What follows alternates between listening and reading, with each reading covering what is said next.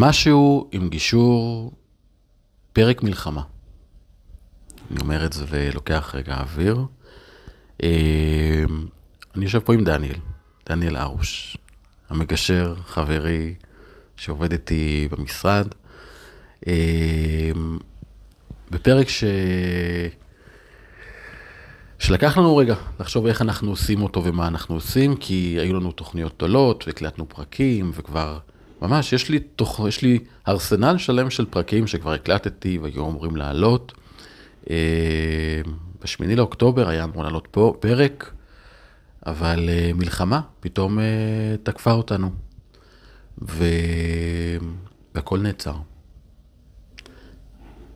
ואנחנו מחפשים את הדרך עכשיו, וזה מבחינתי מטרת הפרק הזה, לחזור. לחזור אה, לאיזושהי שגרה. לחזור לעשייה, לחזור אה, לפעילות, וגם, אולי גם קצת לשתף פה באופן אישי, אה, איך מגשרים חיים את, ה, את התקופה הזו. איך אה, מגשרים, אנשים שחיים בתוך קונפליקטים, זה אנחנו, אנחנו כל הזמן הרי חיים בתוך קונפליקטים, בלהבות גבוהות, איך אנחנו אה, עוברים ועברנו את התקופה הזו, אה, מהרבה שיחות שניהלתי עם אנשים, גם בחדר הגישור וגם עם חברים, וגם ההסתכלות שלי עם ה... במה שקורה מסביב, אני רוצה להגיד לכם שיש לנו ערך מאוד גדול לתת. אני אפילו מוכן להבטיח את זה. הכלים שאנחנו קיבלנו, מתוך הניסיון באלפי גישורים ובעשרות אלפי שעות של התמודדות עם קונפליקטים מאוד, גבוה, מאוד גבוהים, אה, נתנה לנו המון כלים. וחלק מהכלים האלה אנחנו רוצים גם עכשיו לתת אותם פה בשיחה הזו, אז אם אתם אה, מרגישים כמונו, כמו כולנו בעצם, את התחושת התסכול והדיכאון והקושי, וממש מתקשים לצאת אפילו מהמיטה, אבל יש לכם ילדים, ועדיין צריך ללכת לעבודה, אז הפרק הזה, המטרה שלו היא באמת לתת איזשהו כלים, ואפילו אני רוצה להגיד, חשיבה אופטימית. לתת רגע איזשהו כיוון לאיך אנחנו כן יכולים להתמודד בצורה טובה ונכונה עם המצב הנוראי הזה ש, שבו אנחנו נמצאים, ואיך כן אפשר להפוך את המשבר הענק הזה להזדמנות אדירה. אז זה הפרק הזה. דניאל, דברי אה, פתיחה שלך, ובוא נצלול. שמע, אני קודם כל אה, מאוד מתחבר, כי אני חושב שאנחנו, המלחמה האמיתית של מי שלא באמת נמצא בחזית, או מי שלא עבר את התופת הזאת, היא, אה, היא מלחמה, וקצת מוזר להשתמש במילה הזאת בהקשר הספציפי הזה, מלחמה על בריאות הנפש של כולנו. גם הקולקטיבית וגם האישית, כי כמו שאמרת, הדבר הזה קורה, אנחנו לא יכולים להתעלם ממנו, אנחנו לא צריכים להתעלם ממנו, אבל לצד זה החיים ממשיכים, יש לנו ילדים, אה, לנו כמגשרים יש זוגות שתלויים בנו, במיוחד בתקופה הזאת, כי המון מהלחץ של הבחוץ נכנס פנימה. אה, ואני כן אגיד, למה, למה אנחנו כמגשרים אה, יכולים לתת פה משהו, כי העבודה שלנו היא המון עבודה עם אנרגיה. האנרגיה שאיתה אנחנו באים לתוך חדר הגישור, מאוד משפיעה על ההתנהלות של בני הזוג. כי אנחנו כל הזמן צריכים להיות בקשר עין עם, עם גובה הלהבות, ולהגיד, אוקיי, עכשיו זה ככה, התפקיד שלי זה להראות שאוקיי, זה בסדר, זה קורה, להבות עולות. ו... לנרמל את הסיטואציה, ואם צריך כן. להוריד להבות, ואם צריך גם לעלות להבות. נ- נכון, לגמרי. אנחנו, אנחנו משחקים בגובה הלהבות לטובת העניין. עכשיו, זה לא עובד, בטח לא לאור, בחלק של להוריד את גובה הלהבות, אם אתה באנרגיה של לחץ כמגשר. זה לא יעבוד, לא משנה מה תגיד ואיזה להטוטי מילים תעשה. אתה צריך להיות רגוע, ולכן, מה שאני לקחתי מתוך זה לאירוע הזה, מתוך החיים שלפני לחיים של עכשיו, כמגשר, זה כמו שאני מכין את עצמי לגישור, כי ברור לי שאני חייב לבוא עם האנרגיה הנכונה. אז נגיד, לפני גישור אני לא רואה חדשות, גם לפני לא ראיתי. אה, משתדל לעשות מדיטציה, משתדל בדרך לשם, אם אני נוסע באוטו, לשמוע מוזיקה שאני אוהב, שמרגיעה אותי, ולא דברים ש, שעלולים להלחיץ, ולא... מת, מתרחק מהטלפון ומהרשתות החברתיות ככל שניתן. אה, ואז התחיל הדבר הזה, ו- והאינסטינקט שלי היה להתחבר פתאום מחדש לה- להכל. אני כן בן אדם שמעודכן וקורא, ו... אבל פתאום נשאבתי לזה, משהו שהצלחתי המון זמן להימנע ממנו. כי באמת לא הייתה ברירה, והרגשתי את ההשפעה של זה על האנרגיה שלי, על הגוף שלי, על הבריאות שלי, על ה...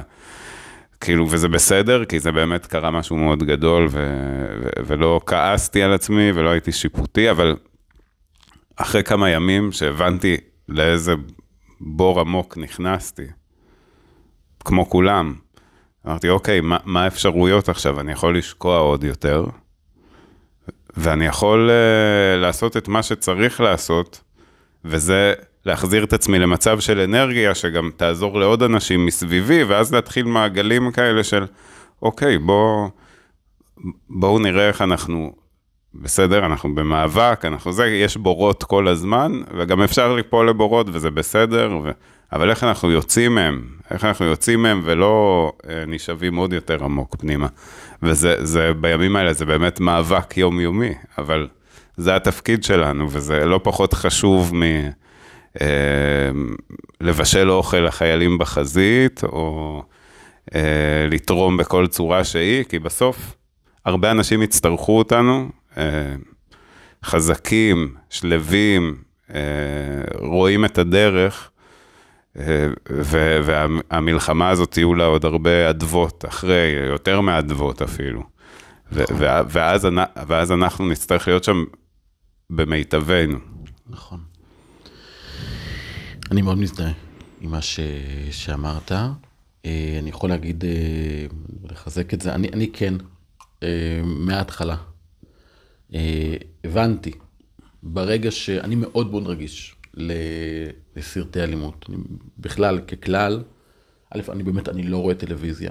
חדשות מבחינתי זה, זה כבר שנים, לא מסוגל לראות את זה, אני, אני חושב שזה, אני בז לזה, אני אגיד את זה, יש לי הרבה דברים קשים למוזיקה שהם עושים, ולה, שממכרים אותנו לתוך דבר, שברגע שאתה נשאב אתה לא יכול לצאת ממנו, וזה פשוט נכון. נורא, יש להם, שנקרא, יש להם אחריות מאוד מאוד גדולה לבריאות הנפש, והם מתעלמים מכל דבר שכזה, יש לי בטן מלאה, אבל נושא אחר. אה, לא, אני, אני כן חושב... אה, לא, האחרי, האחריות שלהם אה, היא לא באמת קיימת, כאילו היא קיימת בפועל, לא אבל הם. מתעלמים ממנה, האחריות הראשונית. שלהם היא לרייטינג ולכסף. וזה נהייתה תוכנית דרמה, ש... נכון. חדשות זה תוכנית דרמה, שממשיכה להשאיר אותנו בפנים, סוג של טלנובלה, על החיים שלנו. ואני כבר הרבה מאוד שנים, בכלל מילדות, המבנה האישיותי שלי הוא כזה, תמיד הייתי יותר, הייתי רואה עדר, הייתי הולך החוצה. ותמיד אז, ככה בודדתי את עצמי, יש לי את החסרונות, היו, לזה הרבה חסרונות, היו לזה גם את היתרונות. פה, מאחר ולי היה ברור, ותמיד היה לי ברור עם כל ההיסטוריה שלי, שאף אחד לא ידאג, לא לי, לא לבנות שלי, חוץ ממני. וברגע שקרה את מה שקרה, גם אני חושב שזה היה עכשיו מאוד ברור לכולם, ואני אומר את זה גם לזוגות שלנו בגישור ולסביבה, אף מדינת ישראל הוכיחה בצורה מאוד מאוד ברורה, שאף אחד לא דואג לנו חוץ מעצמנו. וזה הכל. וברגע שזה התחזק וזה קיים, עכשיו אני באתי עם הגישה הזאת לתוך המלחמה הזאת, ואז שהתחילו להיות הסרטונים האלה, כי אני לא, אני לא רואה לא חדשות וגם לא רואה אלימות. אני לא רואה סרטים, משחקי הכס. התחלתי, התחילה אלימות, עצרתי. אני אוהב את הסיפורים, אני אוהב את הבדיוני, אני לא מוכן להכניס לתוך הנפש שלי תמונות של רצח, של טבח, של ברוטליות. אני לא מוכן להכניס את זה, זה כבר הרבה מאוד שנים ככה. אני פשוט, הנפש שלי לא עומדת בזה. אבל מה עם עצם הידיעה שזה הידיעה, קרה? או. אז פה, אני לא, אתה לא מתעלם מהידיעה, אבל אני, ברגע שהתחילו הסרטונים, אני ישר, הדבר הראשון שעשיתי, זה כל מי ששיתף סרטון ברשתות, אני אוטומטית ביטלתי חברות איתו, וואה. אוטומטית. אמרתי, אני לא מוכן שמישהו יחדור לקודש הזה שלי, של הפרטיות שלי, לאנרגיה שלי, שאיתה אני אחרי זה הולך הביתה, לאישה שלי ולילדים שלי. ויכניס לי את התמונות הזוועתיות האלה שאני יודע שקיימות, אני לא מתעלם מזה. אני לא מתעלם מכל מה שקורה. יש לי שני אחים שם, אני לא מתעלם מתוך הדבר הזה. אבל אני יודע, כי אני מנוסה בתוך חדר הגישור, שאני חייב לנהל את זה. ומה שעשיתי, זה אמרתי ככה, דמיינתי לעצמי שיש פה קופסה שחורה ענקית, ענקית, שמתקרבת לעברי. ודמיינתי שאם אני אכנס לתוך הקופסה, או שאני אתן לה להיכנס פנימה, אני אהיה בביצה. כי יש דברים, אתה יודע, אומרים, אני לא יודע איך, לעק... איך לעכל את זה. יש את המשפט הזה שאני שומע הרבה, זה לא כן. מתעכל לי בבטן. נכון, זה נכון. זה לא יכול להתעכל. אמור, בדיוק. זה, זה גדול מדי. מעולם בשחר ההיסטוריה, משחר ההיסטוריה, לא הייתה סיטואציה שהעורף צריך לראות את מה שרואים בחזית. עכשיו, החזית, מכינים אותם. הם רואים דברים נוראים, אבל מכינים אותם. יש נכון. להם גיבוי, ויש תמיכה, ויש את ההוואי, והם הם בנויים לזה. העורף, אנחנו לא בנויים לזה. אני לא מסוגל לראות את זה. אני לא יודע להסביר את הדבר הזה, את הרוע הזה, את הטבח הזה, את האלימות הזאת, אני לא יכול להסביר אותה. ולכן הגדר החלטתי, החלטה ניהולית לעצמי, לנהל את האירוע הזה בצורה שאני לא מתעלם מהגוש השחור, מהקופסה השחורה הזאת שנמצאת, אני פשוט לא נותן לה להיכנס, אבל אני מבין שזה יגיע, כי זה מקיף, ולכן אני בוחר לאט לאט. אז כן, אני קורא, נכנס לאתרי החדשות, קורא את המבזקים, כן, קורא. כי כשאני קורא, אני לא רואה את הסרטון, אני יכול לברור את זה, ושם יש איזשהו, כן, משהו כביכול יותר אינפורמטיבי. שגם שם אני מבין שיש את האינטרסים לכאן ולכאן, אז אני גם מאזן את עצמי עם לקרוא דברים מחו"ל, אני רואה מה קורה, אני כן, אחרי תקופה נכנסתי לרשתות חברתיות, לטיקטוק, לראות, לטיקטוק, לא פייסבוק, לראות מה קורה בחו"ל, כדי לזהות מה קורה, שם אני רוצה לקבל כמה שיותר ידע אובייקטיבי, כמובן, בלי לראות סרטוני אלימות. זה אני לא מכניס לתוכי, אין, אני לא רואה בזה שום הצדקה, מספיק לדעת שקרה דבר נורא. עכשיו, מה שזה יצר לי, א', זה השאיר אותי בריא. אני יכול להגיד שאני עובר את התקופה הזאת עם עצב. אי אפשר לא להיות בעצב. אבל הבנות שלי בסדר. ירו פה טילים עלינו, רצנו פה לממ"דים, ו... והיה פה הרבה פחד והרבה מסביב, אבל אנחנו בסדר. אני אומר את זה באמת בגאווה, כי מבחינתי, ואני אומר את זה עכשיו לכל ההורים, ואני אומר את זה בטח לזוגות שעכשיו מתגרשים, שבאים אלינו, שהם מבחינתי ההורים הכי טובים שיכולים להיות בעולם, כי הם בתוך משבר אישי הכי גדול, וגם משבר לאומי כל כך גדול, והם עדיין שומרים על, שומרים על הילדים שלהם. ואני עכשיו מבחינתי, יותר מסכים, פחות מסכים, זה כבר לא משנה, יש פה מלחמה, יורים פה עלינו טילים, והילדים שלנו בסדר. זה, זה מה שאני מחזיק פה בראש, וזה מתוך זה שהצלחתי לבודד אותנו ולפעול. ואז מתוך הדבר הזה, ופה אני בוא עם, ה, עם המקום החיובי, כי אחרי שאתה מצליח לבודד, ואתה אומר, אוקיי, עכשיו אני בשליטה. עכשיו אנחנו בשליטה.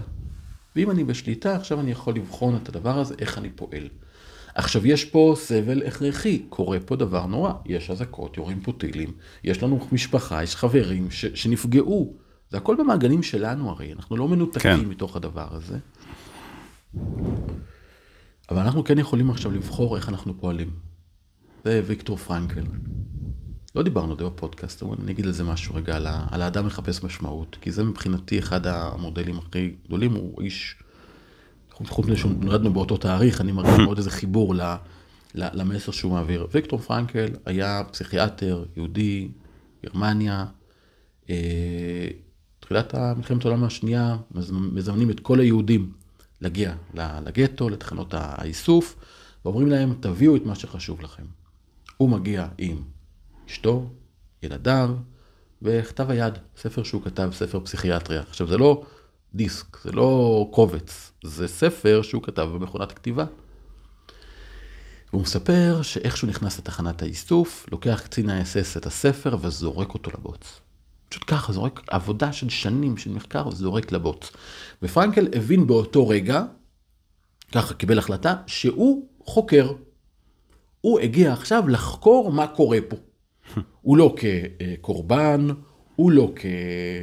כשבוי, הוא לא כאסיר, הוא לא כיהודי, הוא כחוקר. והוא עבר את כל השואה כחוקר. הוא השאיר אותו בחיים כי הוא היה רופא, הוא טיפל שם באנשים, והוא סיפר, ובספר שלו, אדם מחפש משמעות, שאני חושב שזה ספר הכי נכון ללמוד איתו את השואה, הוא מספר סיפורי זוועה. הוא אומר, ראיתי איך אנשים איבדו את התקווה ורצו לגדר. ידעתי שמחר האיש הזה שאיבד, את- ירדה התקווה בעיניו, ידעתי שהוא ירוץ לכלבים וימות. סיפורים נוראים. והוא אומר בספר הזה, שאת הכל אפשר לקחת לאדם. את חייו, את החירות, את התקווה, את החופש, את המשפחה. הרגו את אשתו, הרגו את ילדיו. כולם, כולם נרצחו. הכל אפשר לקחת לבן אדם. מלבד דבר אחד, את היכולת שלו להחליט איך הוא מפרש את הסיטואציה. כי אם הפרשנות היא קורבנית, אני מוותר על השליטה. אם הפרשנות היא של קורים דברים נוראים, אני לא מתעלם מהם, אני לא תמים, אני לא, אני לא, לא, לא, לא בבועה, אבל אני בוחר לראות איך אני יכול לצמוח מתוך הדבר הזה, איך אני יכול להסתכל על הדבר הזה במקום שיצמיח אותי, אז פתאום יש לי אפשרויות. ואני בחרתי בתוך הדבר הזה, ופרנקל ליווה אותי מאוד מאוד מאוד מאוד בתוך המלחמה הזאת, ועדיין מלווה אותי, ואני מאוד מכניס אותו גם לתוך התהליכים, לתוך תהליכי הגישור פה. כי אני אומר, אנחנו יכולים לבחור. ואני בחרתי. ואני בחרתי, אה, וזה מה שהוציא אותי. אני, אני רוצה להגיד על זה משהו, כי אני מדבר עם המון אנשים, ו- וצריך להתייחס לזה, כי מה שאתה הצלחת לעשות בתקופה הזאת, אה, שוב, זה לא מבוסס אה, מספרית, אבל אם אני לוקח מדגם מייצג את כל האנשים שדיברתי איתם בתקופה הזאת, אתה הצלחת לעשות משהו חריג ביחס לבני אדם, וצריך להבין למה גם הם עושים את זה, כי אני ממש סקרן אותי למה אנשים נמשכים לכאב הזה ברמה כזאת שזה פוגע בהם, זה פוגע בהם, זה יוצר דיכאונות וחרדות. אה, והתקפי זעם והמון דברים ש, שהדבר, שאתה מכניס את האנרגיה הזאת אליך, אין מה לעשות, היא, היא רעילה, היא רעילה בסוף. והקשבתי לכל מיני פודקאסטים, אה, הקשבתי לפודקאסטים עם פסיכיאטר מאוד בכיר, והמראיין שאל אותו, אפילו לא על, על הסרטוני הזוועה, אלא על הסרטונים של החטופים שחוזרים. הוא אמר, הפסיכיאטר אמר, אין מה לראות את זה, זה, זה פורנוגרפיה של רגש. אז המראיין שאל אותו, אבל רגע, אין, זה לא איזה משהו אנטיפטי, כאילו, זה לא דורש איזה סוג של אנטיפתיה לעשות את זה? הוא אומר, לא, לא, למה? את, אתה רק צריך לדעת שהם חזרו, נכון. אתה לא צריך לראות את כל הדבר הזה. עכשיו, למה עוד אנשים עושים את זה? א', כי סטרס, ביולוגית, זה דבר ממכר. ההורמונים של הסטרס הם דבר שהגוף צריך אותו, זה, זה שומר אותך דרוך, ערני, אתה. זה, זה ביולוגית. ודבר שני, יש המון הרגשה של חוסר אונים, והדבר הזה מקנה הצפייה בחדשות, באולפנים ובסרטונים, למי שממש רוצה להזיק לעצמו בצורה קשה, יוצר אשליה של רוצה שליטה. רוצה במרכאות, כמובן, אף אחד לא רוצה להזיק לעצמו. אבל... כן, כן, ברור, חד משמעית. לא, לא, לא, ברור, אני, אני, אבל יש בזה, אחרי, אחרי שאתה עושה את זה כמה פעמים ואתה מבין שזה נכנס לך לחלומות, שזה נכנס לך ל, ליחסים שלך עם הסביבה וזה, אתה, אתה, ברור שאף אחד לא בוחר בזה, אבל עדיין אנשים מתקשים להפסיק לעשות את זה, כי זה נותן להם הרגשה של שליטה ושל אה, תחושה של, אה, שהם חלק מקולקטיב. וכל הדבר הזה. אבל ש, שם בדיוק טמון העניין הזה של אה, לקחת אחריות. ומה שאמרת, לא, לא להיות במוד קורבן, כי כולנו קורבנות של הסיטואציה הזאת, אף אחד מאיתנו לא בחר בה, אבל עכשיו באמת השאלה איך אנחנו מפרשים את זה, ומה אנחנו עושים עם זה, כי, כי אחרת הפסדנו. נכון, נכון, מדויק. אז אני רוצה להגיד פה, ובואו ניתן פה כלים איך, איך באמת עושים את זה. קודם כל, בוא אמרת בצורה מאוד uh, טובה, אמרת, מה, מישהו שהוא לא רואה את החדשות ורואה את הסרטונים, הכל הוא אנטיפט? אומר, לא, זה מערכת שהיא גם כן הגנה והיא יותר בריאה לגוף שלנו ולעצמנו. עזבו את הרשתות, עזבו, אם יש משהו שאתם צריכים לדעת, אתם תדעו אותו. לא צריך לדעת כל איזה שטות שאמר איזשהו דמות כזאת או אחרת בעולם, בעד, נגד, לא, אין בזה שום תועלת. הדברים האמיתיים, יש לנו מנהיגים, אני, אני רוצה להגיד משפט אה, פוליטי קורקט, אבל אני לא אגיד פוליטי, שנכשלו בצורה קטסטרופלית, שלא מתפקדים, אבל זה התפקיד שלהם. לחשוב שאנחנו יכולים להחליף אותם מהספה בבית, לא, זה לא, אנחנו לא יכולים. אנחנו צריכים לדרוש מהמנהיגים שלנו, אלה שרצו אה, ונבחרו, לעשות את עבודתם כשורה. זה מה שאנחנו יכולים, ככה זה בתוך דמוקרטיה. בחרנו בכם, תפעלו כמו שצריך. לנו אין את ההשפעה, אין לנו את הכלים, אין לנו את היכולות, אנחנו, זה גם לא התפקיד שלנו. אנחנו כן יכולים לדאוג לילדים שלנו, כי אם אנחנו לא נדאג לילדים שלנו, אף אחד לא, נדאג, לא, לא ידאג להם. ואז במקום הזה, עם ההבנה הזו, אנחנו מבינים שאוקיי, לגיטימי להתנתק מהמדורת השבט, אני אגיד במרכאות כפולות, כי זה, זה, זה, זה שריפה נוראית. ולהבין משהו מאוד מוזר עכשיו שאני הולך להגיד. מלחמה מביאה שגשוג. שאני אומר לעצמי, איך אתה מעז להגיד לך דבר כזה? מה, מדם הקורבנות דברים טובים יקרו? לצערנו, לשמחתנו, כל אחד יכול לראות איך שהוא, איך שהוא רוצה. אחרי מלחמות מגיעה, יכולה להגיע תקופה כלכלית טובה.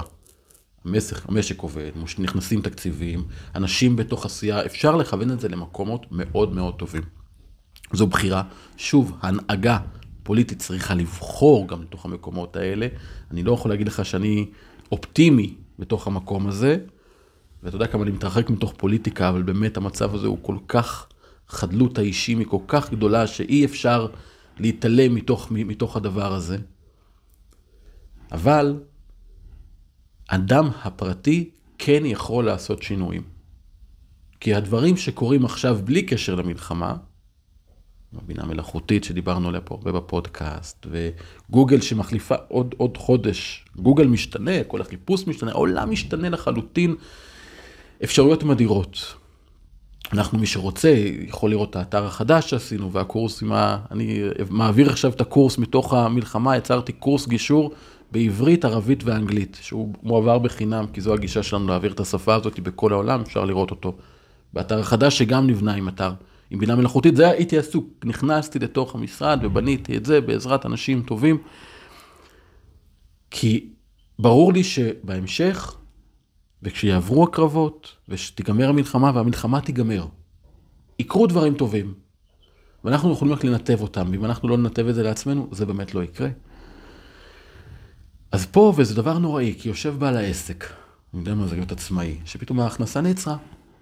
ויש חובות, וצריך לשלם לספקים, וצריך לשלם לעובדים, ופתאום אין, אין עבודה, והמענקים לא מספיקים, ועד שיגיעו, ואם יגיעו, ואין לך טיפת ביטחון. ופתאום אני פה אומר, ואני יודע כמה זה מעצבן יכול להישמע, אבל תקשיב, זה הזמן, כי עכשיו אתה בבית, עכשיו אתה לא עושה. עזוב את החדשות, תתעסק בלפתח את העסק שלך, בלפתח את עצמך, בללמוד, בלהאזין לפודקאסט, בלעשות קורס מקוון, בלקחת דברים שבאופן אופרטיבי ייתנו לך כלים, לא כסף. עזוב, כסף אי אפשר לעשות עכשיו, השוק נעצר, כלכלה קופאה. אבל זה זמן מעולה לייצר למידה. ידע זה כוח. ובעולם היום יש כל כך הרבה דרכים לצבור ידע. בין אם זה בצפייה בסר... בסרטים או סרטונים או לקרוא או פודקאסטים, יש כל כך הרבה דברים. ובמקום לשבת בבית ולצרוך את, את הרעל, בוא נצרוך ידע. זה מה שאני עשיתי. ופעלתי, לקחתי והתאמנתי וראיתי ושיחקתי עם הבינה המלאכותית, עשיתי דברים שהדהימו אותי, הדהימו אותי, ואני גם מבין עכשיו כמה שינויים קרב, קרבים ובאים, ולא בעוד שנים. הבינה המלאכותית, המהפכה, היא כאן, היא כאן, זה, זה ממש פה מעבר לסיבוב. ואתה מבין את האפשרויות שיש.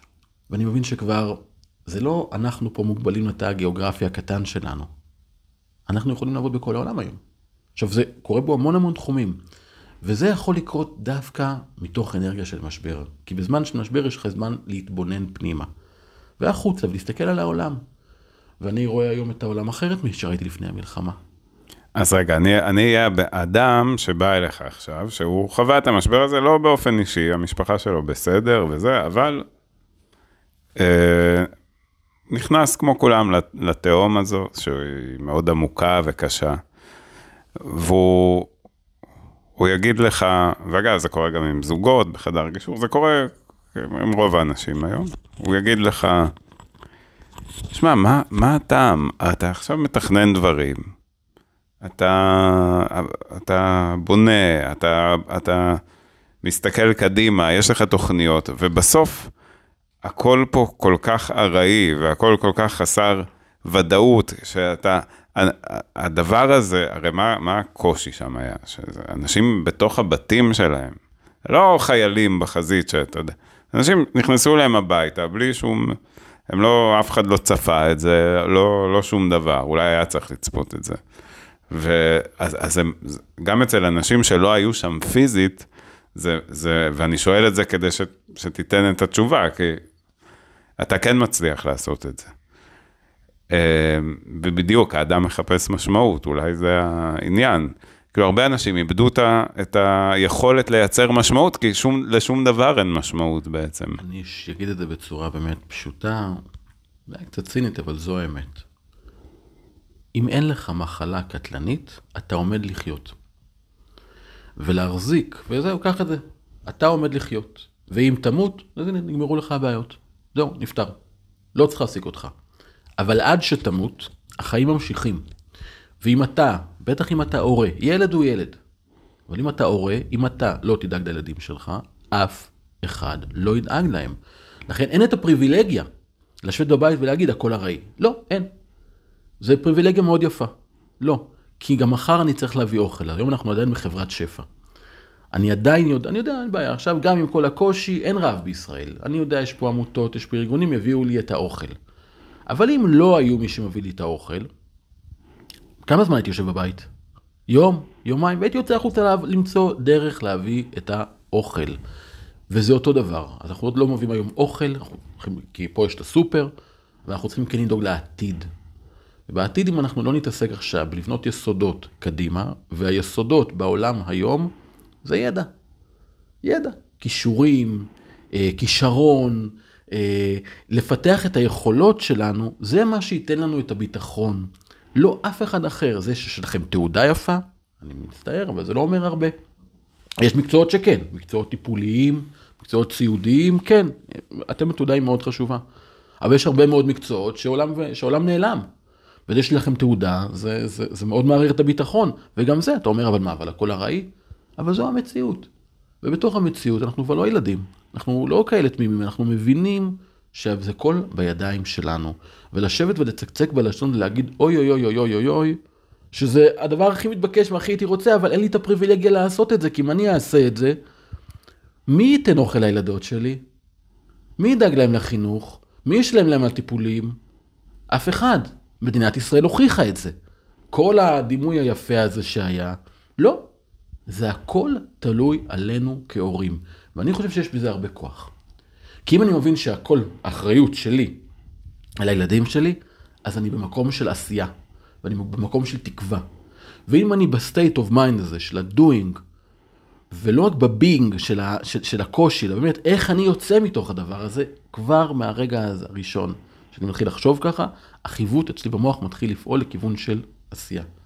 עכשיו, יש אנשים קדושים שלקחו את המקום שעכשיו אני אעזור לאנשים שאין להם, וזה מדהים. לעטוף את, את אה, חברי קיבוץ בארי ואת כפר עזה. ואנשים שם, ויש לנו חברה מאוד טובה שעושה פה, אני אגיד את מורן, מורן נחמיה, שהיא אה, מחזיקה מערך של, אה, כן. של, אה, של בני שמעון, באמת ברווחה שם. אני מסתכל עליה, והיא קדושה. זה מה שהיא עושה, זה מדהים. עזוב, עזוב את העבודה, כן, עובדים סוציאליים, אנחנו יודעים מה הם מקבלים. זה מדהים. ויש עוד הרבה אנשים טובים שבאמת ויתרו על עצמם ועל הנוחות שלהם ונותנים לאחרים. ואלה אנחנו צריכים לתת להם הכל. הכל. אבל מי שהוא לא נותן במקום הזה, ומי שלא חי עכשיו בתוך לעזור לאנשים שנפגעו, ובאמת לשבויים ולמפונים, באמת, וצריך, כי המדינה לא עושה את זה. מי שלא חייב לדאוג לעצמו.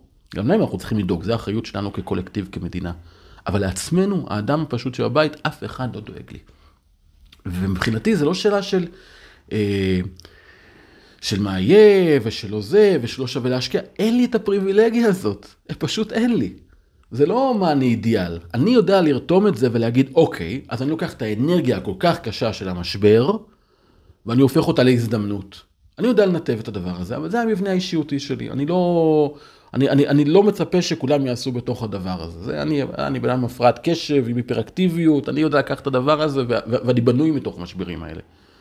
אבל את התפיסה הבסיסית, הבסיסית, שיש משבר, אתה יכול להפוך אותו להזדמנות. זה הבסיס, זה הבסיס של הגישור. זה כל מי שיקרא קורס גישור בסיסי, שאגב, זה ההפתעה שרציתי ככה לספר לך. כן. לא סיפרתי נו, לך. אה, אני יושב. מה שאני התחלתי לעשות תוך כדי שעשיתי את הקורס הבסיסי, אני בעצם ערכתי מחדש את כל הקורס, הקורס המצולם שעשינו בעברית, אמרתי, בקורונה. "לעשות בעוד שפות. זה התחיל לא, מהקורונה, אה, עשינו אה, קורס מצולם של עשרה כן, שיעורים. כן, כן. ואמרתי, ואז אותו הפכתי לעוד שפות, אבל כשהבנתי בתוך התהליך, וזה עשיתי, כתבתי כמה פעמים, באמת, היה פה הרבה עבודה כפולה, פתאום קלטתי שאני בעצם כותב פה ספר. ובעצם אני כבר עכשיו באמצע, כי עכשיו הקורס עולה, של הספר הרביעי שלי כבר, שיצא לי מתוך מלחמה, שזה בעצם קורס גישור בשיטת שותפות חדשה. וואו. וזה פתאום, פתאום, אתה יודע, אני פתאום מרגיש, כי אתה יודע מה זה, אז רגע, אז ת- תסביר רגע, הספר הוא בעצם אה, אני כותב ספר. סיכום של...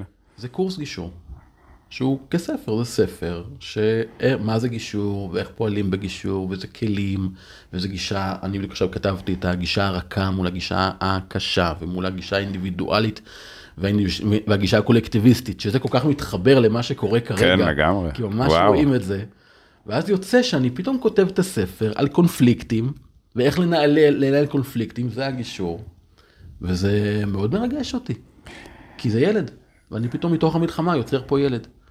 זה, זה baby boom של אה, עשייה. כן. עכשיו, אה, כן, אה, אגב, אני חושב שכל אדם שהוא עכשיו נמצא בתוך הסיטואציה הזאת, וגם אם אה, גישור לא מדבר אליו ברמה של אני רוצה לעשות מזה מקצוע או קריירה, בדיוק, הקורס גישור בסיסי, יש בו כל כך הרבה כלים להתמודד עם סיטואציה כזאת, שזה כאילו, זה- הלוואי שזה, כל אחד היה נחשף לזה עכשיו. נכון. כי במציאות הזאת אתה חייב כלים. ו- ובוא נגיד את זה, אני רוצה פשוט להגיד, אנחנו לא מוכרים פה, הקורס הזה הוא חינם.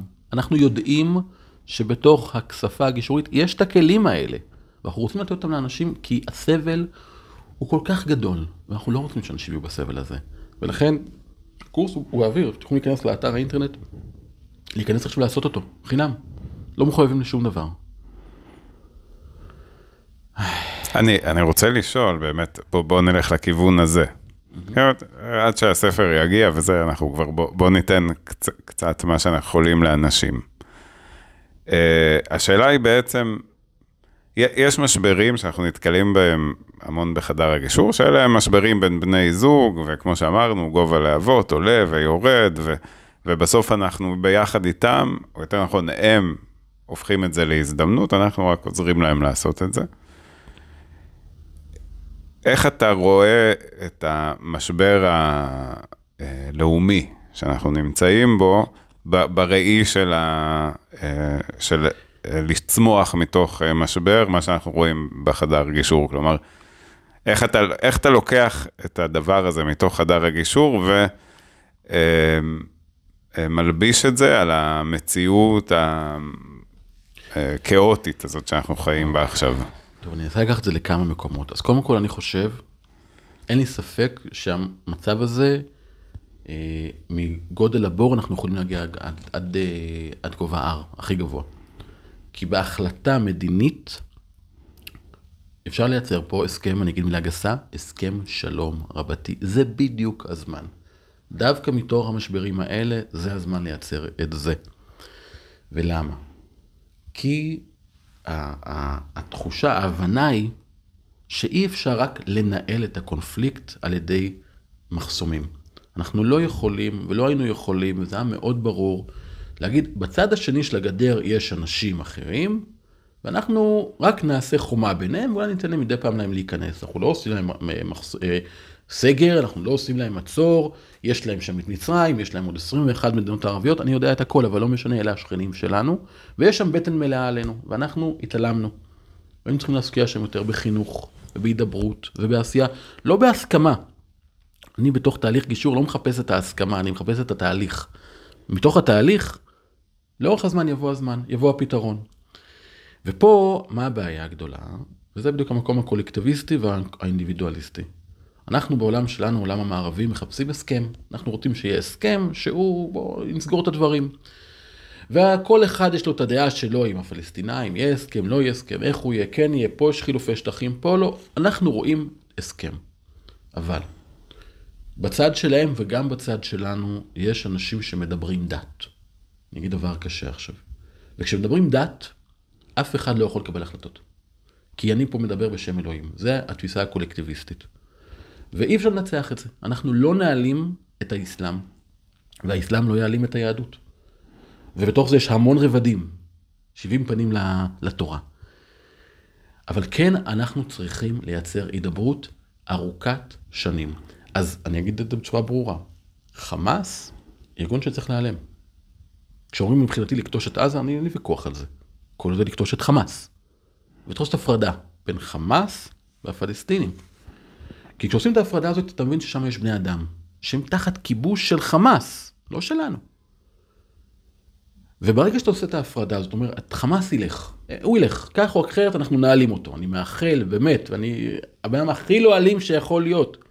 חמאס, האנשים שלהם לא צריכים להיות על פני כדור הארץ. אני אומר את זה כי זה, עברו את הקו של בני אדם, אבל לא הפלסטינים עברו את הקו הזה.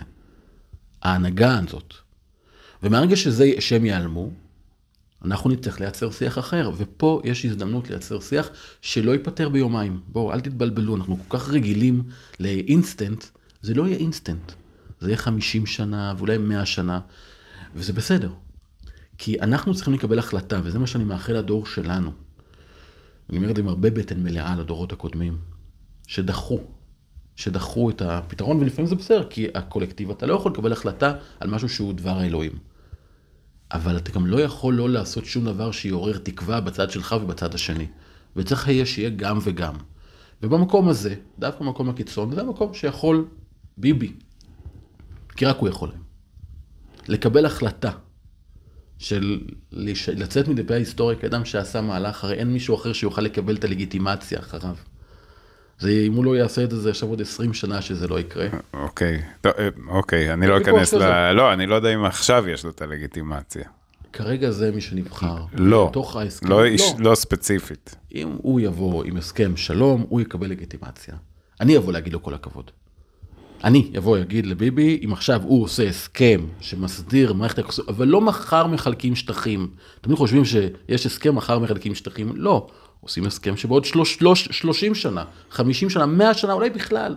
אבל נכנס לתוך תהליך, אבל שיהיה איזשהו תהליך אמיתי. אז, אז אני רוצה להגיד על זה רגע, כי, כי אם אנחנו באמת מסתכלים על התמונה הזאת קצת יותר מלמעלה, כל הרעיון שהתחיל באוסלו היה להתחיל תהליך שיפיח תקווה בשני הצדדים, ובאמת, אני לא יודע אם אנשים זוכרים, היו ימים של תקווה, עד שהתחילו הפיגועים, באמת היו ימים של תקווה ודיבורים על שלום, ופתאום מפגשים של ישראלים ופלסטינים, פתאום אתה רואה שזה לא השטן שחשבת, והם אה, מסתכלים עלינו ואומרים, זה לא מה שסיפרו לנו בבתי ספר, וזה זה אנשים כמונו רוצים לחיות. עדיין, יש הרבה משקעים, יש זה, אבל התחיל, התחילה תנועה, ש... אבל מה, מה שקרה, וזה אני, אני משווה הרבה פעמים למה אה, שקורה בחדר גישור, שאנחנו אומרים לאנשים, כל מי שבא להקצין מבחוץ, ואנחנו נותנים גם דוגמאות למי, ת, ת, תנסו לסנן או להדוף, כי, כי, כי נורא קל להגיע לאנשים במצב כל כך רגיש ופגיע, שבונים אמון מתוך משבר מאוד קשה, ופה אנחנו מדברים על 100 שנים של משבר בערך, ולהגיד להם, לא, הצד השני הוא, הוא עובד עליך, הוא, מנסה לדפוק אותך, הוא מנסה לסובב אותך עכשיו על האצבע. בהקשר של גירושין, אוקיי, בסדר, לא, לא, לא, אני יודע מה אני עושה, אני, זה, זה, זה המשפחה שלי, זה, אני בונה את זה. פה, מי שמתנגד לתהליך הזה, מתחיל לפוצץ אוטובוסים, אתה מבין? נכון, נכון, בדיוק זה. בדיוק זה, בגלל זה, ושם במקום הזה אנחנו איבדנו את האמון, כי מתפוצצים פה אוטובוסים, ואז איזה תהליך? ואז הפסיקו את התהליך.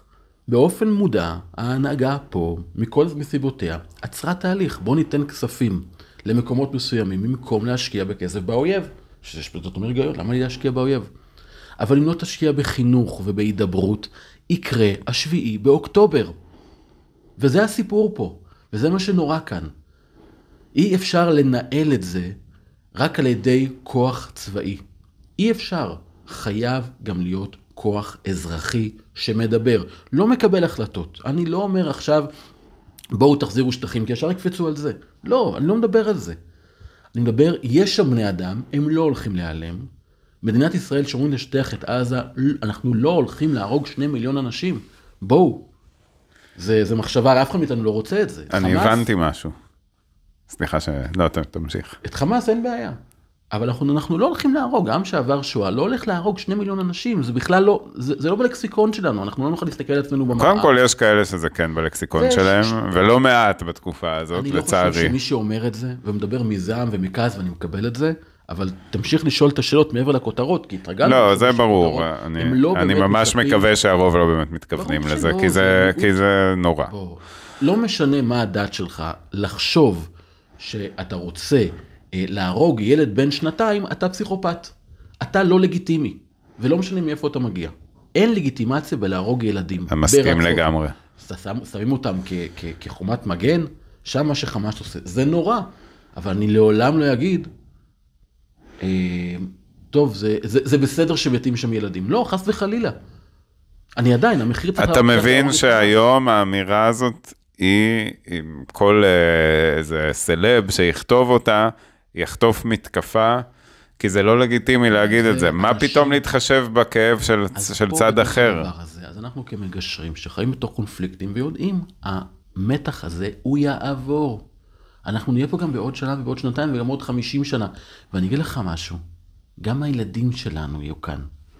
ואני לא מוכן, לא מוכן להיות בגישה שאני לא אמרתי את הדבר הכל כך פשוט הזה עם, בכוחות שיש לי, כן, אני לא דמות ציבורית, אני לא איש פוליטי, אבל במקום הזה, בפודקאסט הזה, אני יכול להגיד את זה. בחדר גישור אני, אני לא אומר את הדעות שלי, אבל פה, פה אני יכול להגיד את זה, שחייב, חייבים לייצר הידברות. הפלסטינים לא ייעלמו, הם השכנים שלנו, נרצה, לא נרצה, הם שם. ואם אנחנו מתעלמים, המפלצת תגדל. אם אנחנו מדברים, המפלצת הופכת להיות אנושית. ואם היא אנושית, אני יכול למצוא את הפתרון. זה ייקח 50 שנה ו-100 שנה, אני לא מדבר על מחר בבוקר. לא מצפה לזה. אם עכשיו יבואו ויעשו פה הסכם חלופת שטחים, אני אגיד, אתם מטומטמים לחלוטין. לא ריאלי.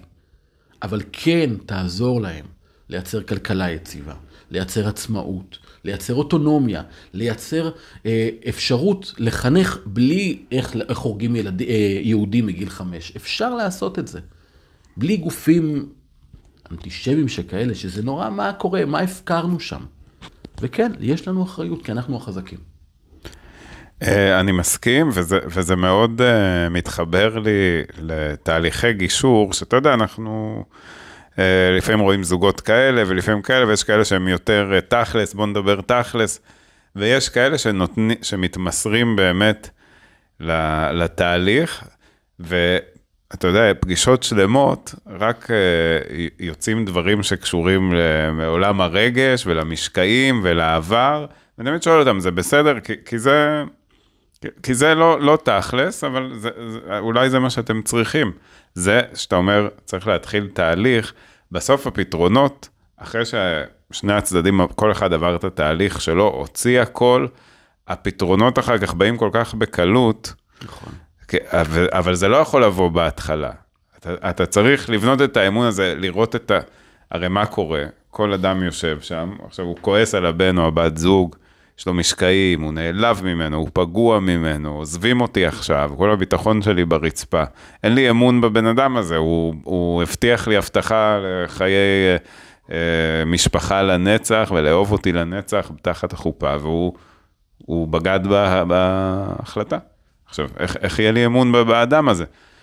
ו, ו, ואתה כבר בונה לעצמך דמות, אה, אתה יודע, אה, מאוד, אני לא רוצה להגיד שטנית, אבל כן, בראש, ו- ואז הם, יוש... ופתאום אני רואה אנשים בפעם הראשונה שומעים גם שלצד השני כואב, אפילו, אפילו אם הוא קיבל את ההחלטה לעזוב, כואב לו, מפחיד לו, קשה לו. אז אה, אוקיי, רגע, אנחנו, נכון. כאילו אנחנו, הוא גם, הוא גם אדם, כאילו גם עליו עוברים דברים, אולי גם אני לא מסכים, גם אם אני כועס, אבל הוא, הוא לא השטן שראיתי מקודם. עכשיו אפשר להתחיל לדבר על פתרונות. זה מתחבר בדיוק, אני אומר, ועם זה אולי אני ככה נ, נ, נ, נסכם, אה, לקראת סיכום, אה, לוועדות האמת, הפיוס והצדק. דיברנו של דרום. אפריקה, כן. דרום אפריקה, של מנדלה. שעל זה הוא זכה בפרס נובל. עכשיו, אני אגיד לך את זה בצורה פשוטה, אני מאחל שזה יהיה בדור שלנו, אבל אם לא, זה לא, זה לא יהיה בדור שלנו, זה יהיה בדור הבא, ואם לא בדור הבא, זה הדור שאחריו, אבל בסוף זה הפתרון עם הפלסטינאים. בסוף יהיו פה ועדות הפיוס, האמת והצדק. כי מה הם אמרו בעצם? מה עשה שם מנדלה? בואו תראי רגע את הסיפור. מנדלה השתחרר אחרי, אני חושב, משהו כמו 24 שנים בכלא. פה קיבלתי איזה חוברת, נוגה הייתה בדרום אפריקה, הביא לי איזה חוברת שלו, אמרתי, הוא, הוא, הוא באמת, הוא מהמגשרים הגדולים ביותר שהיו בעולם. אמ, והוא השתחרר מהכלא כטרוריסט. הלבנים מכירים אותו כטרוריסט. והשחורים אוהבים אותו, אותו ואת ויני מנדלה, הם דמויות הירואיות, גיבורות, סומכים עליהם, אבל הוא מבין שהוא מקבל פה מדינה שיש בה 90 אחוז שחורים, בורים, עניים, מתוסכלים, זועמים, שהם לא יושבים בשלטון, הם לא מחוברים, אין להם קשר עם העולם, ומהצד השני, 10 אחוז לבנים עשירים, שחיים בקהילות סגורות, בווילות. דרום אפריקה. הראשונה. דרום אפריקה הראשונה, נכון. שמפחדים. אני זוכר, אתה יודע, נזכרתי, היה לי, כשאני בצעירותי, עברתי, עברתי, באותה תקופה גרתי בכנרת. היה לי שם קרוון, חוף דוגית, ועבדתי מתנדב, קראו לו אלן, כמדומני. ואני זוכר שדיברנו באותה תקופה הזו, והוא היה מתנדב מדרום אפריקה. הוא אמר לי, אתה לא מבין כמה זה נורא מבחינתי שמנדלה, הטרוריסט, נהיה ראש ממשלה. הוא אפילו אמר לי, מבחינתי, אתה רק תעשה את ההשוואה, זה כאילו יאסר ערפאת יהיה עכשיו ראש ממשלה שלך. וואו. זה היה השוואה, אתה מבין? זה, ככה הם ראו את זה, זה הייתה, זו הייתה השוואה. עכשיו, מנדלה הבין את זה, והוא הבין שאם הוא לא עושה משהו, לא תהיה מדינה, היא תקרוס. ואז הוא עשה את ועדות הפיוס האמת והצדק, ומה עשו בהם? בעזרת הרבה אנשי קהילה, דת, דת, אנשי הדת היו פה המקומות, כן. אנשי טיפול, לא הלוחמנים, אנשים שבאמת, אה, אה, אה, אנשי אמונה, אני חושב שבישראל, הרב פרוג, פרוג, היה הרב עם השיער אה, זקן ארוך, כן, פרומן. פרומן, הרב פרומן, הוא, הוא היה הנציג של הדבר הזה. אנשים נכון. כאלה, עכשיו יש הרבה כאלה, שאומרים, אנחנו מייצרים עכשיו שיח שמרגיע. ומה שהם עשו, עשו, זה הביאו את המשפחות של הקורבנות. של הקורבנות. כן. אה, שאנשים שנרצחו להם היקרים, להם, שנאנסו.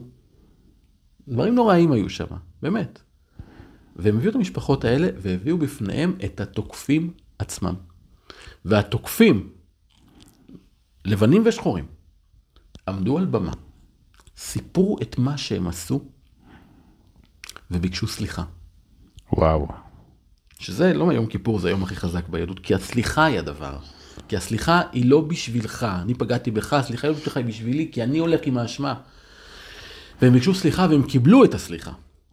המשפחות קיבלו את הסליחה והתחבקו והתנשקו, ויש שם תמונות, אימא שהבן שלה נרצח ומחבקת את הרוצח של הבן שלה, כי הם מבינים שאם לא ישאירו את העבר מאחורה, לא יתעלמו ממנו. אבל הם, לא, אבל הם חייבים להסתכל על העתיד וביחד לבנות דרום אפריקה חדשה. בסוף זה גם מה שיקרה בארץ הקודש. זה מה שגם יקרה כאן. לא תהיה לנו ברירה. השאלה היא רק כמה סבל וכמה דם יישפך, כן. דם יישפך. זה הנורא שבתוך הדבר הזה. וברגע שהופכים את זה למלחמת דת, וברגע שהופכים את זה למלחמת אה, אנחנו או הם ואין שום דרך להידברות, אנחנו פשוט מקבלים את המצב הזה, ובסוף זה יקרה. פשוט זה נורא מבחינתי שאנחנו לא עושים את זה בעצמנו, לפחות מעבירים את המסר הזה, ומשאירים את הצרות האלה לילדים שלנו, שמסתכלים על העולם ואומרים, למה אני צריך לגור פה בכלל? לא, לגמרי, זה, אני אגב, מהיום הראשון, שאני הבנתי את הזעם וראיתי אנשים שהם בדרך כלל אנשי שלום בתפיסה שלהם, פתאום אומרים דברים מזעזעים, ואמרתי, אוקיי, אני לא שופט אותם, כולנו כועסים, אני בטוח שגם לי עברו מחשבות כאלה בראש, אבל אז שאלתי אותם, רגע, אוקיי, נהפוך את עזה למגרש חנייה, בסדר. מה קורה יום אחרי? איך, א', איך אנחנו חיים עם עצמנו, ב', מה, מה קורה? לאן זה הולך? מה, לאן אתם מכוונים? אבל אין בעיה, בוא נעשה פה את ההפרדה. אין לי בעיה, תהפכו את עזה למגרש חנייה. תעשו מסיבות על החוף בעזה. מה קורה עם שני מיליון איש? כן, כן, ברור, אה, לא. לזה התכוונתי, מה קורה. יום אחרי עם האנשים האלה? אתה לא אתה לא תמחק שני מיליון איש, הרי הם, תמחק מיליון, אוקיי? יישארו חס מיליון. וחלילה. ברור, אבל לא משנה, גם אה, זה יהיה הכי קיצוני שיש. נכון. עזוב, זה לא... אתה יודע, אבל, בהקשר למה שאמרת, זה יקרה בישראל, אבל אני, אני פתאום קולט כמה אנחנו עדיין לא שם, עוד לפני הדבר הזה, כי הנה, יש משפחות שכולות שביום הזיכרון מקיימות אה, טקס זיכרון משותף, לא עם טרוריסט, לא עם אה, הורים של טרוריסטים, עם משפחות של אה, אה, אה, אנשים שנהרגו ב- בסכסוך הזה בעזה או, במקום, או ביהודה ושומרון ובמקומות אחרים, לא שהיו מעורבים בטרור. אתה יודע כמה אש הם חוטפים לפני כל טקס זוכר. כזה? אני זוכר, הורים שכולים, הקיצון אומר, מה שאמרת מקודם, אני, אם הם ידברו, הקיצון יודע את זה, בוא, אנשים שם מבינים את זה. אם הם ידברו, הם לא ישנאו. ואלה אנשים שרוצים לדבר, לייצר הידברות. הקיצון, בין אם זה חמאס בצד שלהם, ובין אם זה הקיצוני המשיחי אצלנו, זה מיעוט, מיעוט, מיעוט, מיעוט, מיעוט, שלא, שלא יהיה ספק. זה לא מה שאנחנו רואים פה בתוך הפוליטיקה, זה קיצון שקיצון שקיצון בשני הצדדים, שיעשה הכל כדי שהמרכז לא ידבר. כי אם אנחנו נדבר, אנחנו נוכל להכיל, אנחנו נדע להתמודד, אנחנו נראה את האדם שממול. זה אוזו ומוזו מכפר קקרוזו. זה אותו סיפור. אפרים צידון אמר את זה אז. אבל, אבל אה, יגידו לך מי שיגידו, שמע, כמה, דיברנו, אנחנו לא דיברנו. נתנו, אה, ישבנו. ישבנו עם מרצחים, ישבנו עם ערפאת, ישבנו עם כל החבר'ה האלה. כל עוד אתם לא מדברים, אתם יורים. צריך תמיד לדבר. מישהו בא לתקוף אותך, תפרק אותו. תפרק אותו. אין בכלל שאלה, אתה יודע שיש פה מחבל שלך, קום, קום טפלו בו. אבל זה לא אומר שאתה לא צריך לייצר הידברות בין חברה אזרחית. זה גם וגם. הרי הטקטיקה הטובה ביותר בניהול משא ומתן בקונפליקט ארוך, זה מוכח בתורת המשחקים, הוכיחו את זה. אה, רוברט אקסלרוד, אני חושב החוקר שעשה את הבדיקה הזאת, והוכיח. במערכות יחסים ארוכות טווח, בסכסוכים ארוכי טווח עם להבות תבואות, הדבר הכי טוב שאפשר לעשות זה מידה כנגד מידה. מה זה מידה כנגד מידה? זה טקטיקה שאתה מכריז עליה בהתחלה, אתה לא מצפה שהצד השני יבין מה אתה עושה, אתה אומר, על כל צעד רע שאתה עושה, אני מגיב לך בצעד נוראי, בחזרה. עכשיו, זה ישראל עשתה מאוד טוב. אבל את החלק השני. החלק כן. השני לא עשו. על כל צעד טוב שתעשה לי, תקבל שתיים. תגיד עליי משהו חיובי, אני אגיד לך שתי דברים. זה נעצר במקסימום בשקט יענה בשקט, בדיוק. אבל שקט זה לא מספיק. בדיוק, כי בשקט אין באמת שקט, אין, אין דבר כזה, אין פה... לא, יש דריכות. ובתוך המקום הזה זה מה שפספסנו, את המידה כנגד מידה. כי המשמעות של לעשות שקט היא לעצבן את הקיצוניים. ראיה, סעודיה באה לדבר איתנו על לעשות שלום, הנה נורמליזציה, וקורה האסון הנוראי הזה. כי הקיצון לא רוצה את השלום, הוא לא רוצה את ההידברות. ואנחנו פה נופלים, ו-1400 איש נטבחו, כי אנחנו נפלנו לתוך הדבר הנוראי הזה. נוראי הזה. ופה אני חושב האחריות שלנו, כהורים, אני לא מדבר על, אני, לי, אני מיואש מהפוליטיקאים שיש לנו כאן, אני חושב שכל אלה צריכים ללכת. באמת, הם כל כך מדברים בסיסמאות רקובות ונבובות. אני כל כך בונה לא, אבל זה- על הדור הבא. הדור הבא, הלוואי, אם ביבי יעשה איזה מהלך אדיר, הלוואי. אבל אני לא מאמין בזה. הלוואי, הלוואי שאני אתבדה. אבל אני חושב שכל אלה צריכים ללכת, 120 איש, ללכת, לפנות הדור לדור הבא. לא שהוא לא מדבר בשפה השטחית המום, ה, של הכותרות האלה. אנשים באמת ש... אתה יודע, אני, אני אעצור את עצמי, כי באמת, כל הסבל הזה, נראה לי שרוב האנשים מסכימים איתך, גם אלה, מי שסמך עליהם מבין שאין מה לסמוך, וזה... באמת, אין לי, אתה יודע, פשוט איבדו לגיטימציה. ולתת לדור הבא. דור שלנו, בני 40, בני ה-30, שיעלו בבקשה למגרש, יפסיקו להיות כל כך מחוברים לסיסמאות ולפ... לא, אנחנו רוצים לדבר על העתיד. כי אנחנו פה לעתיד, לא לעבר ולא להווה, ואנחנו מחברים, מכבדים את העבר. אנחנו מכבדים את המורשת, אנחנו מכבדים את המסורת, אנחנו מכבדים את המבוגרים. אבל אנחנו לא יכולים להמשיך ולהתנהל, לתת לאנשים האלה לנהל את הדבר הזה, כשהם לא מנהלים במקביל שיח של תקווה. כן, זה, אני חושב שזה מחסום שקשה לאנשים לעבור. אה, שאני, אה, יש לי איזה חברה ש, אה, שאבא שלה נפטר, ו, ושאלתי אותה למה בעצם, כאילו כל הזמן יש איזה אחזות בדבר הזה, ש, שזה עולה גם ברגעים שמחים. ו- וקיבלתי תשובה שאני באמת, אני לא, אני לא יכול לשפוט בשום צורה, ואני מבין ש... אם, אם, אם משחררים, זה כאילו גם משחררים את הזיכרון, mm. ואז תהיה שכחה. אה, וזה קשה כשזה מדובר באדם שקרוב אליך, כי אתה לא, אתה לא רוצה שהוא יישכח, אבל בעצם, מה, מה האדם הזה היה רוצה? ש, ש, עכשיו, נכון. ש, שתתרכזו בו, שהוא כבר לא נמצא, או שתחיו את החיים שלכם, אם הוא אהב אתכם באמת. מה הוא היה, מה הוא, אני שואל את עצמי, מה, מה הייתי אה, אה, מצפה מאנשים, אם, כשיגיע יומי, כן? לא, אל תתעסקו בזה, תמשיכו הלאה, תשמחו. יש לכם נכון. את הנסיעה הזאת, תעשו אותה הכי טוב שאתם נכון. יכולים. נו, תעשו לי לזכרי ספסל יפה, מול הנוף, כן, את הקבר, לא צריך את הדבר הזה, תעשו, תזכרו אותי לטובה. אבל אל תחיו כן. על, על, על, על, על הזיכרון העבר, העתיד מגיע, ובעתיד, אם אתם לא תדאגו לילדים שלכם, אף אחד לא ידאג להם. אף אחד, מדינת ישראל הוכיחה את זה. הוכיחה.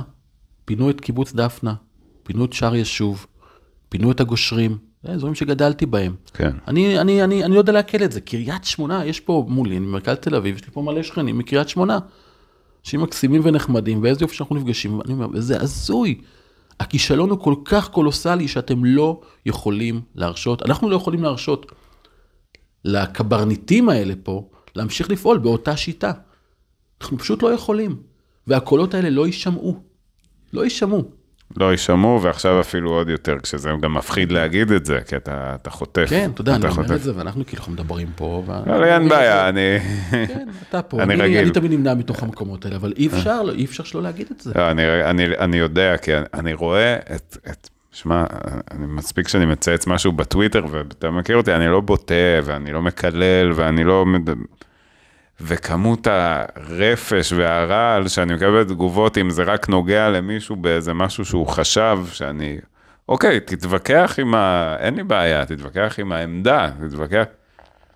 אה, לא, פשוט, למה הזזת אותנו מה... רגע מהקובייה שעמדנו בה? ככה, כי אין ברירה. מה אתה מציעים לנו? לחיות על החרב עכשיו לכל החיים, וגם לילדים שלנו ולנכדים שלנו. מה ההצעה? נכון. מה, מה... והם יגידו לך, כן, אני אומר, אוקיי, אבל חבר'ה, זה לא קורה. אוקיי, כן, אז, אז למה, לא, לא, למה, אנחנו לא, ב, אנחנו לא בשנות ה-40-50, ועם כל ה... אתה יודע, הרומנטיקה של הציונות וזה. היום, אנשים צעירים, העולם פתוח בפניהם, אין מחסומים של שפה, אין מחסומים של כלום. למה שהם יבחרו לחיות במקום נכון. שבו יורים טילים על הילדים שלהם? אתה יודע, אני בתוך הקבוצה, ובאמת אני מסכם בתוך הדבר הזה, כי אנחנו ראשים, נגיד פה משהו אישי. כן. קבוצת ילדים אה, שלי הייתה מאוד קבוצה, מקבוצת הילדים, זו קבוצה של אימא שלי והאחים שלי. אנחנו ארבעה. יש עוד קבוצה, קוראים לה אחות אחת אחים כמו זבל, כי זה, כי אנחנו, לאבא שלי יש עוד שני ילדים מהנישואים כן, השניים, כן. אז יש אה, שני בנים, עומר וניר. חמודים. אה, אז יש קבוצה של כל האחים, עכשיו יש שתי אחיות, אז הן אחת, אומרות אחת לשנייה, אחות אחת, אחים כמו זבל, כי יש לנו רק אחות אחת. ארבע בנים, שתי בנות.